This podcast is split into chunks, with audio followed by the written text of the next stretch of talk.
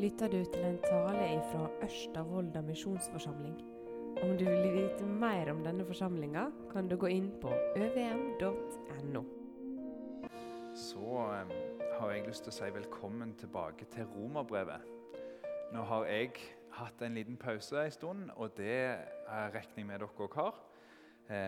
Vi nærmer oss slutten på dette fyldige brevet, som forklarer oss hva rettferdighet er hva forsoning er, hva dybden i det som Jesus har gjort for oss, er. Og så viser det oss vårt desperate behov for frelse.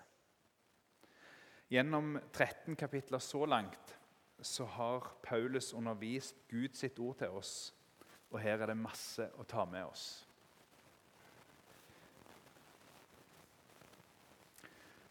Innledningsvis så pleier jeg å peke litt tilbake på det som har skjedd i Romerbrevet. for at vi skal få med oss. Men jeg skal, ikke, jeg skal ikke gå helt tilbake til kapittel 1. Men vi skal gløtte til de to siste kapitlene. I kapittel 12 og kapittel 13. I kapittel 12 og kapittel 13 der beveger Paulus seg ifra å beskrive fundamentet, altså det Jesus har gjort for oss, og så begynner han å se på hvordan ser dette ut i livet vårt. I kapittel 12 så skriver han om hvordan vi som kristne skal leve sammen i det kristne fellesskapet. Og I kapittel 13 så beskriver han hvordan skal vi som kristne leve livet utføre bobla. Når vi ikke er i lag med våre trossøsken, når vi lever i et storsamfunn og med mennesker som ikke deler de samme verdiene som oss. Det er viktig undervisning han kommer med til oss der. Og Det vil jeg anbefale at du lytter til. Her i kapittel 14 så går Paulus inn i en konkret utfordring. Han tar tak i en sårbar tematikk, og jeg syns Paulus er modig når han gjør det. Paulus han griper fatt i uenighet i forsamlinga. Og Det er ikke bare en sånn en generell uenighet det er snakk om. Nei, han snakker om ulike tanker om hvordan en bør leve som en kristen. Når folk i en familie begynner å leve på ulike måter. Når, når, folk i en familie ikke er enige om hva som er sunt og godt, og velger å leve på forskjellige måter, da innebærer det ofte en smerte. Og Det kan faktisk gå så langt at det skaper full klinsj i en familie. Paulus han vil undervise oss i vår kristne familie og hjelpe oss å finne en vei sammen når vi tenker ulikt om ting. Dette tror jeg er veldig relevant inn i alle fellesskap, og inn i vårt. Jeg har fire punkter som vi skal ha som overskrift nå når vi skal gå gjennom denne teksten. Først så skal vi lese teksten, og det er en ganske lang tekst. Etterpå så skal vi spørre oss hva er det som skjer i Roma. Hva er bakgrunnen her? hvorfor skriver Paulus disse tingene til de folka i Rom? Og Etterpå så vil vi spørre spørsmålet hva er det som skjer hos oss? Og Da skal vi prøve å se, Fins det noen paralleller? Er det noen ting som gjør at det som Paulus skriver om i den konteksten, er relevant her hos oss? Og Så skal vi se på hva er løsningene Paulus presenterer inn i disse problemstillingene. Og helt til slutt så skal vi se på hvorfor i all verden skal vi bry oss om det som Paulus sier. Før vi gjør det, så skal vi be sammen. Takk, Jesus, for at du har skapt oss, og at du har skapt oss ulike. Takk for at sammen så får vi uttrykke bredden i deg. Takk for at du har kalt oss sammen ulike mennesker. Og så ser du alle de utfordringene det byr på når vi skal leve sammen. Vil du undervise oss og lære oss hvordan vi, som dine disipler, skal få tjene deg og hverandre? I Jesu navn. Amen. Selv om vekta ligger på Romerbrevet kapittel 14 i kveld, så skal vi ta med oss de 13 første versene i kapittel 15. Og Det betyr at det er en ganske lang tekst, så vi må prøve å henge med i svingene. Nå kommer det opp på skjermen, og så er det fint hvis dere ser i Bibelen, om det er på telefonen eller i boka sjøl. Ta imot den som er veik i trua uten å gjøre dere til dommere over tankene hans. Én har tru som tilhet han å ete alt. Den veike et bare grønnsaker. Den som et alt, skal ikke se ned på den som ikke et alt, og den som lar være å ete, skal ikke dømme den som et, for Gud har tatt imot han. Hvem er du som dømmer tjeneren til en annen? Om han står eller faller, er ei sak mellom han og Herren hans, og han skal bli stående, for Herren har makt til å holde han oppe. Den ene gjør forskjell på dager, den andre holder alle dager for like. La hver og en være fullt overtydd om sitt eget syn. Den som setter én dag framfor andre, gjør det for Herren, og den som et, gjør det for Herren, for han takker Gud. Det samme gjør den som ikke et. Han gjør det for Herren og takker Gud. For ingen av oss lever for oss sjølve, og ingen dør for seg sjøl. Lever vi, så lever vi for Herren, og dør vi, så dør vi for Herren. Enten vi da lever eller dør, så hører vi Herren til. Derfor var det Kristus døde og ble levende. Han skulle være herre over både levende og døde. Men du, hvorfor dømmer du bror din? Eller hvorfor ser du ned på bror din? Vi skal alle framfor Guds domstol, for det står skrevet. Så visst som jeg lever, sier Herren, for meg skal hvert kne bøye seg, og hver tunge skal vedkjennes Gud. Så skal da hver og en av oss legge fram sin egen regneskap for Gud. La oss ikke lenger dømme hverandre. Døm heller slik. Ingen må få bror sin eller søster si til å snuble og falle. I Herren Jesus veit jeg sikkert og visst at ingenting er ureint i seg sjøl. Men for den som holder noe for ureint, er det ureint. Gir du bror din eller søster di sorg med maten du et, da går du ikke fram med kjærleik. Den som Kristus døde for, må du ikke føre ei fortaping med maten din. La ikke det gode det eier, bli til spott. For Guds rike er ikke mat og drikke, men rettferd, fred og glede i Den hellige ande. Den som tjener Kristus på denne måten, han er til glede for Gud og får respekt mellom mennesker. La oss derfor streve etter det som fører til fred og til oppbygging oss imellom. Riv ikke ned Guds verk av omsyn til mat. Hvis det er alt rent, men om et menneske et noe slik at det blir til årsak til fall, da er det av det vonde. Det er ikke rett å ete kjøtt eller å drikke vin eller å gjøre noe annet som fører din bror til fall. Den tru du har, skal du holde for deg sjøl, for Guds andlet. Sel er den som ikke dømmer seg sjøl pga. det han vil å gjøre, men den som et med tvil, han er dømt fordi han ikke gjør det i tru. Alt som ikke er av tru, er synd. Vi som er sterke, må bære veikskapen til de veike og ikke tenke på oss sjølve. Hver og en av oss skal tenke på hva som er det beste til, til det beste for nesten, og gjøre det som tjener til oppbygging. For Kristus tenkte ikke på seg sjøl, slik det står skrevet. På meg fall spottorda fra de som spotter deg. Og alt som før er skrevet, er skrevet for at vi skal lære av det vi skal få håp gjennom det tålmod og den trøyst som Skriftene gjev. Må Gud sjøl, som gjev tålmod og trøyst, gi dere alle samme sinn etter Kristi Jesu vilje. Da kan det samstemte og med én munn prise Gud, vår Herre Jesu Kristi Far. Ta imot hverandre slik Kristus tok imot dykk, til Guds ære. For det sier jeg dykk. Kristus ble en tjener for de omskårne for å vise at Gud taler sant, og for å stadfeste de lovnader som fedrene fikk. Men òg for at hedningefolka skal prise Gud for hans miskunn, som det står skrevet. Derfor vil jeg prise deg mellom folkeslaga og lovsynge ditt navn. Og en annen sted heter det:" Gled dykk folkeslag sammen med hans folk. Og enda en annen sted:" Lovsyng Herren, alle folk. Pris han, alle folkeslag. Og Jesaja sier, Isais rotskudd skal komme, han som reiser seg og rår over folka, til han skal folkeslaga settes i von. Må Gud, som gjev vond, fylle dykk med glede og fred i trua, så de kan være rike på von ved Den hellige andens kraft.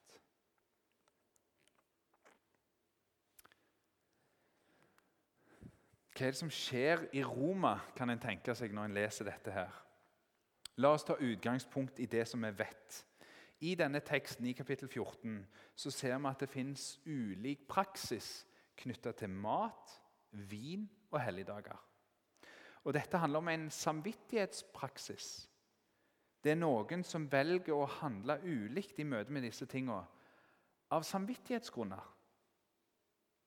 Kanskje begynner du å tenke på det som vi kan lese om i 1. Korinterbrev, kapittel 8-10. Der skriver Paulus noe tilsvarende. Der er det tydelig at det er snakk om praksisen knytta til offerkjøtt som har blitt ofra til avgudene. Altså Når de slakta et dyr, så slakta de det og ofra det til avguder, og så solgte de kjøttet etterpå. Paulus forklarer der at selv om dette kjøttet ikke er farlig å ete i seg sjøl, så kan det være at det er noen som ikke har samvittighet til å spise det fordi det trekker de tilbake til avgudsdyrking. Og Så gir Paulus råd inn i den situasjonen. Dette kan vinne veldig om det som vi ser her, men i de kommentarene som jeg har sett på, så, så tror de ikke at det er det som er tilfellet her. Denne vanlige offerpraksisen.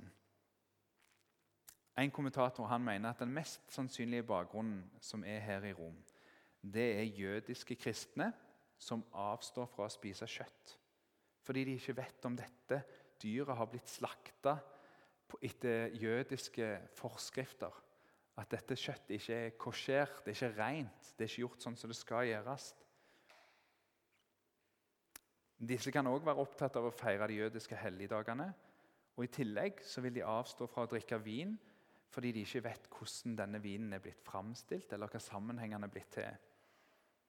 Jeg tror han har rett han som mener det er dette som er bakgrunnen. For Hvis vi tenker tilbake i romerbrevet, så ser vi at forholdet mellom jødekristne og hedningekristne er veldig tydelig framme. At folk derfor har ulike tanker om jødiske skikker, det er ikke overraskende. Tidligere i romerbrevet så er Paulus veldig tydelig på at det å holde jødisk lov det er ikke noe som gir deg rettferdighet for Gud. Den, den får du kun gjennom Jesus Kristus. Og Han har vært tydelig på at eh, vi får alt dette av Jesus. Og det å stole på sine egne handlinger, at jeg oppfører meg sånn og sånn, det er faktisk noe som kan føre deg vekk fra Jesus. Og Det kan gjøre at vi stusser litt når vi møter det som Paulus skriver her. For her i kapittel 14 så har Paulus omsorg for disse som hele livet sitt har levd som jøder, og som har en samvittighet som er bonden, som gjør at de ikke kan spise kjøtt som etter jødiske forskrifter er ureint. Eller de har levd hele livet sitt som jøder og levd i et årshjul som er sentrert rundt jødiske høytider, og plutselig skulle la være å feire disse høytidene. Da, da vil de føle at de bryter med Gud de som har avstått fra vin her i Roma, for de vet ikke hvordan har denne blitt til. Om den har blitt brukt i avgudsdyrking eller sånt. Paulus viser en omsorg for dem. Og Samtidig så har Paulus en omsorg for de som har omfavna friheten i Kristus. Som vet at de kan spise hva kjøtt de vil, for Gud har sagt at det er rent. Som vet at disse skikkene det er faktisk noe Gud som ikke kreves av meg, selv om jeg har begynt å tilbe jødene sin Gud. Det Paulus adresserer her, det er ikke noen handlinger som bryter med Guds sitt ord. Det handler ikke om å leve etter Guds gode vilje eller ei. Men det som Paulus beskriver her, det er noe som vi med et litt sånn komplisert ord kaller for adiaforon. Ting som Bibelen rett og slett ikke tar stilling til om er godt eller vondt problemstillinger som har en subjektiv karakter. Jeg vet ikke om jeg er så vant til å snakke om det i våre sammenhenger, men det er altså noen ting som er subjektivt. Noe kan være galt for meg, men så trenger det ikke være galt for en annen. Hvis vi ser her i vers 14, der leser vi I Herren Jesus veit jeg sikkert og visst at ingenting er ureint i seg sjøl. Men for den som holder noe for ureint, er det ureint. Og I vers 22 der står det Sel er den som ikke dømmer seg sjøl pga. det han vel å gjøre. Men den som et med tvil, han er dømt fordi han ikke gjør det i tru. Alt som ikke er av tru, er synd. Paulus han anerkjenner altså at det som kan være synd for ei, trenger ikke å være det for en annen. Her i Rom så er det tilfelle for noen at de velger å avstå fra å spise kjøtt og drikke vin, eller de føler de må feire noen jødiske høytider. For hvis ikke, så bryter de med Guds vilje. Det er sånn de opplever det. Og så møter Paulus de med en respekt, og han anerkjenner de. Og han ser at de beslutningene som de tar rundt disse tingene, det handler om et ønske om å følge Gud. Andre igjen velger å gjøre det på en annen måte, og de nyter samme respekt av Paulus, fordi han ser at disse i større grad holder fast på den kristne friheten som de faktisk har i Jesus. Det er i Rom. Men hva skjer da hos oss? I forsamlinga i Roma var det ulike typer mennesker. Mennesker med ulik kulturell og religiøs bagasje. Mennesker med ulik livserfaring og med ulike tilbøyeligheter. I Roma ble det særlig tydelig blant jødekristne og hedningekristne, for de var så ulike. I Ørstavolda misjonsforsamling så er det på samme måten. Altså Så langt som jeg vet, så er vi ikke der i dag at det er noen med jødisk bakgrunn som er hos oss. Men vi kommer fra forskjellige plasser. Vi har opplevd ulike ting opp gjennom tida, gjennom livet vårt. Noe som gjør at samvittighetene våre er ulikt innstilt på enkelte områder. Noen har kanskje en bakgrunn fra en oppvekst der de rundt deg var veldig opptatt av statussymboler. Det som virkelig var stort og gjevt, det var å ha en skikkelig dyr gjenstand å eie noe som så, som viste at jeg har mye penger. Kanskje så du, når du ble kjent med Jesus, at dette egentlig er en form for avgudsdyrking. Når disse, plass, disse tingene fikk en plass i livet som de ikke skulle ha. Kanskje ble du var for det som har med eiendeler å gjøre. Noen er kanskje oppvokst med en holdning som sa at om det skjedde noe i forsamlinga, om det var noe aktivitet på bedehuset, om det var et møte eller et eller annet, da skulle en være til stede. Hvis en holdt seg vekke da, da holdt en seg vekke fra den kristne forsamlinga, fra de hellige samfunn. Derfor så burde en ta del i alt det som skjedde. Noen har kanskje vokst opp med et anstrengt forhold til kultur.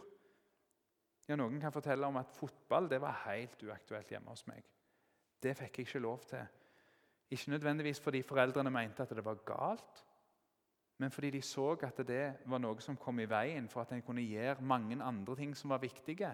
Eller fordi de rett og slett ønsket å beskytte ungene sine for et tøft og krevende miljø. Når jeg var mellom 13 og 16 år, da spilte jeg ikke fotball. Den karrieren la jeg på hylla mye tidligere enn det. Men da var jeg i et miljø som ikke var bra for meg, som jeg nylig har sagt. Og Som en del av dette miljøet så tok jeg del i utsvevende festing. Og dette har gjort at fordi det er så mange assosiasjoner knytta til alkohol som ikke har noen ting med kristen livsførsel å gjøre, så har jeg i dag et standpunkt der jeg er avholden fra alkohol så sant det ikke er i sjokolade. Kanskje fikk du deg en sunn bibelvane gjennom å bruke en viss bibelleseplan eller lignende. Og Så blir du overraska når andre ikke er interessert i å bruke den samme. Jeg har møtt noen som blir helt sjokkert over at de ikke bruker bibelnøkkelen, som nå heter mange andre navn etterpå. Kanskje har du gjennom livet blitt erfart å bli velsigna av å være med på en type møter om det er en type bibelgrupper, om det er møtevegger, om det er det ene eller det andre. Og så har det vært så godt for deg at du blir helt rysta når andre ikke ønsker å være med i ei huskirke. Tenk litt etter. Hva er det som du ikke nødvendigvis finner dekning for i Bibelen, men som du likevel reagerer på når du ser andre ta valg som du ikke ville tatt? Nå har jeg helt bevisst ikke gått inn på tematikk som ble særlig regna for Radiaforum. Dans, kortspill, kino, strikking på søndag osv. Fordi jeg tror vi har en tendens til å snevre det litt for mye inn. dette her. Og så er spørsmålet inn i denne ulikheten, når vi har ulik bagasje, hva er det Paulus har å si til oss? Først så vil jeg si at eh, denne overskriften 'Hva er løsninga?' det er vel kanskje litt optimistisk. Jeg tror ikke Paulus hadde tenkt at eh, når han skrev dette, her, så kom det en løsning som gjorde at alle disse ulike menneskene bare opplevde det som fryd og gammen å være sammen. Men Paulus han sier likevel noe som kan hjelpe oss inn i sånne situasjoner. Han sier noe som skal hjelpe oss å omgås hverandre, å ta imot hverandre og respektere hverandre. Og så gir han den enkelte av oss noe å prøve oss sjøl på.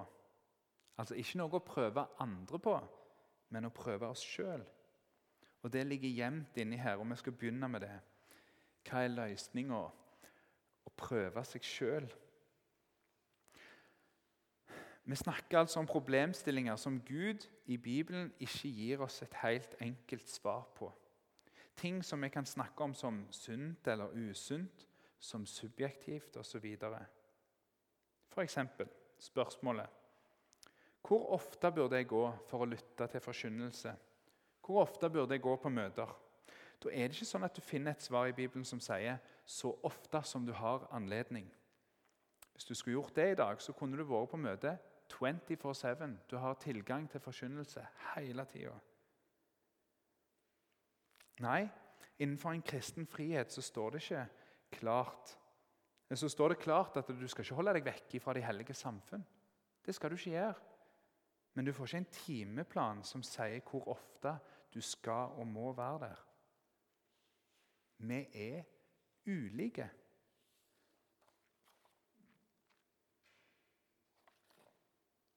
Og for, for at det, den frasen der, at vi er ulike, ikke skal bli en sånn frase som vi gjemmer oss bak, så skal vi prøve oss sjøl. I vers 6-9 her så blir vi minnet om at livet vårt det lever vi med Gud som vår Herre i alle våre beslutninger. Vi går til Han. Vi har med Han å gjøre når vi skal vurdere hvor ofte skal jeg gå på, gå på møter. Da skal jeg ikke bare si jeg er litt ulik de andre, jeg, så jeg, jeg gjør det bare på den måten. Nei, vi skal gå inn før Gud. Det blir tydeligere i vers 22-23, og der blir det understreka at det du har tro for, det skal du holde for deg sjøl, men innenfor Guds ansikt. Og når du er trygg på dine valg, når du investerer i den bilen, som kanskje er dyr, men som du kan takke Gud for at du har fått kjøpt og Fremdeles så kan du tjene Han både med bilen og med resten av økonomien din. Da skal du være salig når du kjører denne bilen i tru og tillit. Men hvis du ser at det, det er ikke sikkert jeg skulle ha kjøpt denne bilen Det kan være at den får en plass hos meg som man ikke skal ha. Når du begynner å tvile på det, da skal du ikke investere i den. Vi skal prøve oss sjøl innenfor Gud.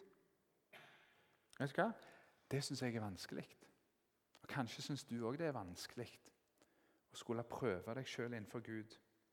Da vil jeg anbefale deg å snakke med ei kristen søster eller en kristen bror som du har tillit til. Så kan de hjelpe deg til å reflektere rundt dine valg og hjelpe deg til å søke Gud inn i det. Vi skal prøve oss sjøl. Én ting det er å søke andre, oppsøke andre for å få hjelp så er det noe annet når du i ditt hode oppsøker andre, enten for å dømme dem eller for å så ned på dem. Det er dette som er den gifta som sniker seg inn når vi ser ulikt på ting. Og så er det egentlig først og fremst det Paulus vil ta tak i her. Han vil vise oss hvordan vi kan ta imot hverandre når vi ser på ulike ting. Og nå er det sånn at her i kapittel 14, Når vi ser på Paulus sin, eh, sin rettledning her, så er det noe som treffer enkelte problemstillinger ganske godt, mens andre treffer kanskje ikke helt enkelte typer utfordringer. Selv om Paulus ikke maler helt ut den konkrete bakgrunnen her, så er det likevel en konkret bakgrunn som Paulus skriver imot. Men, men den generelle problemstillingen er der uansett. Vi skal ta med oss to momenter som Paulus trekker fram inn i denne situasjonen. her. Hva sier han til disse? 1. Gud er den som dømmer. Paulus han setter oss inn i relasjonen til Gud. Og så viser han oss at der står vi, hver for oss. Og så vil Gud ta ansvar for den enkelte av oss. I vers 1-12, som vi ikke skal lese en gang til, der lærer han oss at det er Gud som er Herren. Det er Han som vi står ansvarlige for. Heldigvis. Han som er Herren, han som står over alle ting, han som kjenner alle ting. Han er det vi skal svare for. Du skal ikke svare for meg om du tar et glass vin til middagen. Men du skal svare for Gud, han som ser om dette er noe du kan gjøre uten problemer, eller om rusen er noe som får makt over deg. Og så skal ikke jeg svare for deg når jeg velger å avstå fra å ta det glasset. Jeg skal gjøre det for Gud, han som er den som kjenner meg, han som vet hvor mine grenser går, og han som vil gi oss råd og holde oss begge oppe. Her er det ikke snakk om bare sånn offentlig og eksplisitt dom, at vi uttaler dom over hverandre, at vi dømmer hverandre, men det er hva du tenker i ditt hjerte, i ditt hode. Om du ser ned på eller dømmer de neste for, for valg som han eller hun tar innenfor Gud.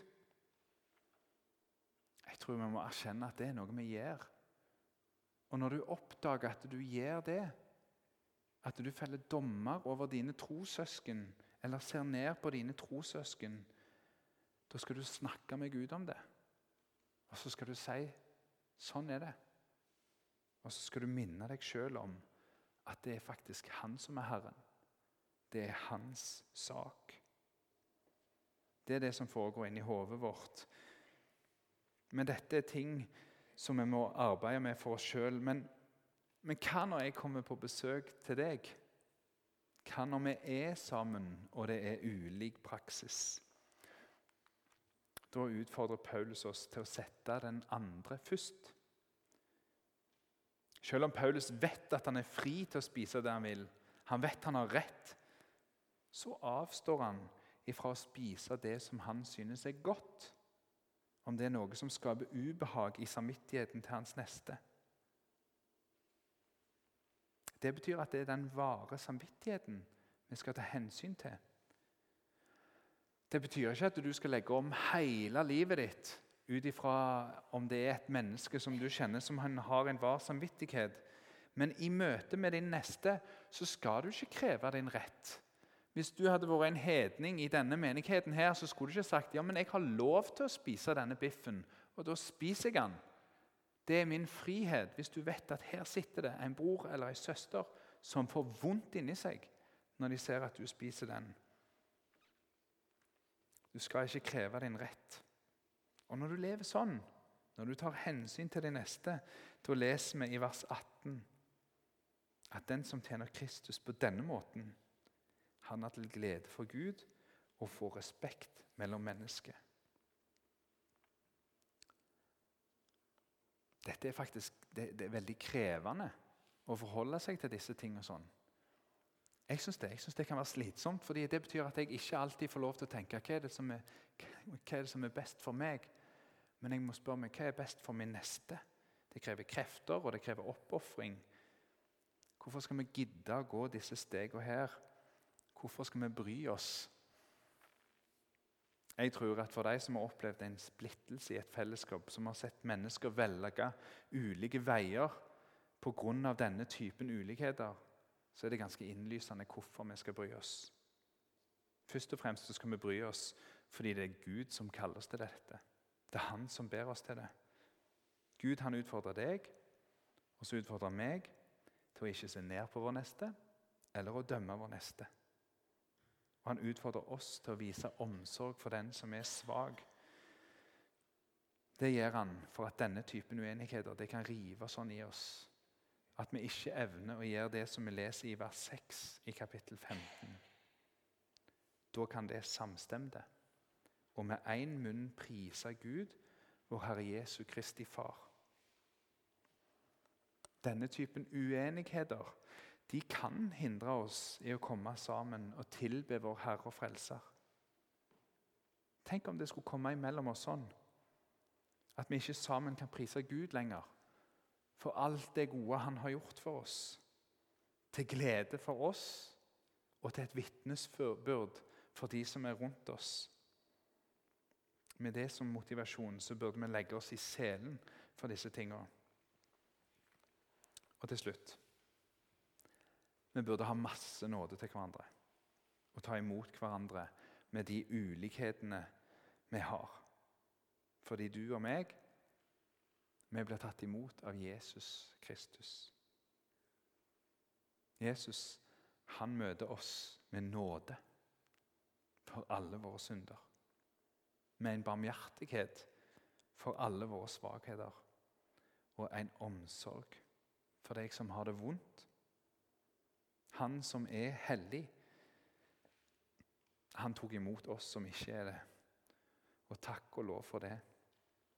Ta for imot hverandre slik Kristus tok imot dykk, til Guds ære. Amen.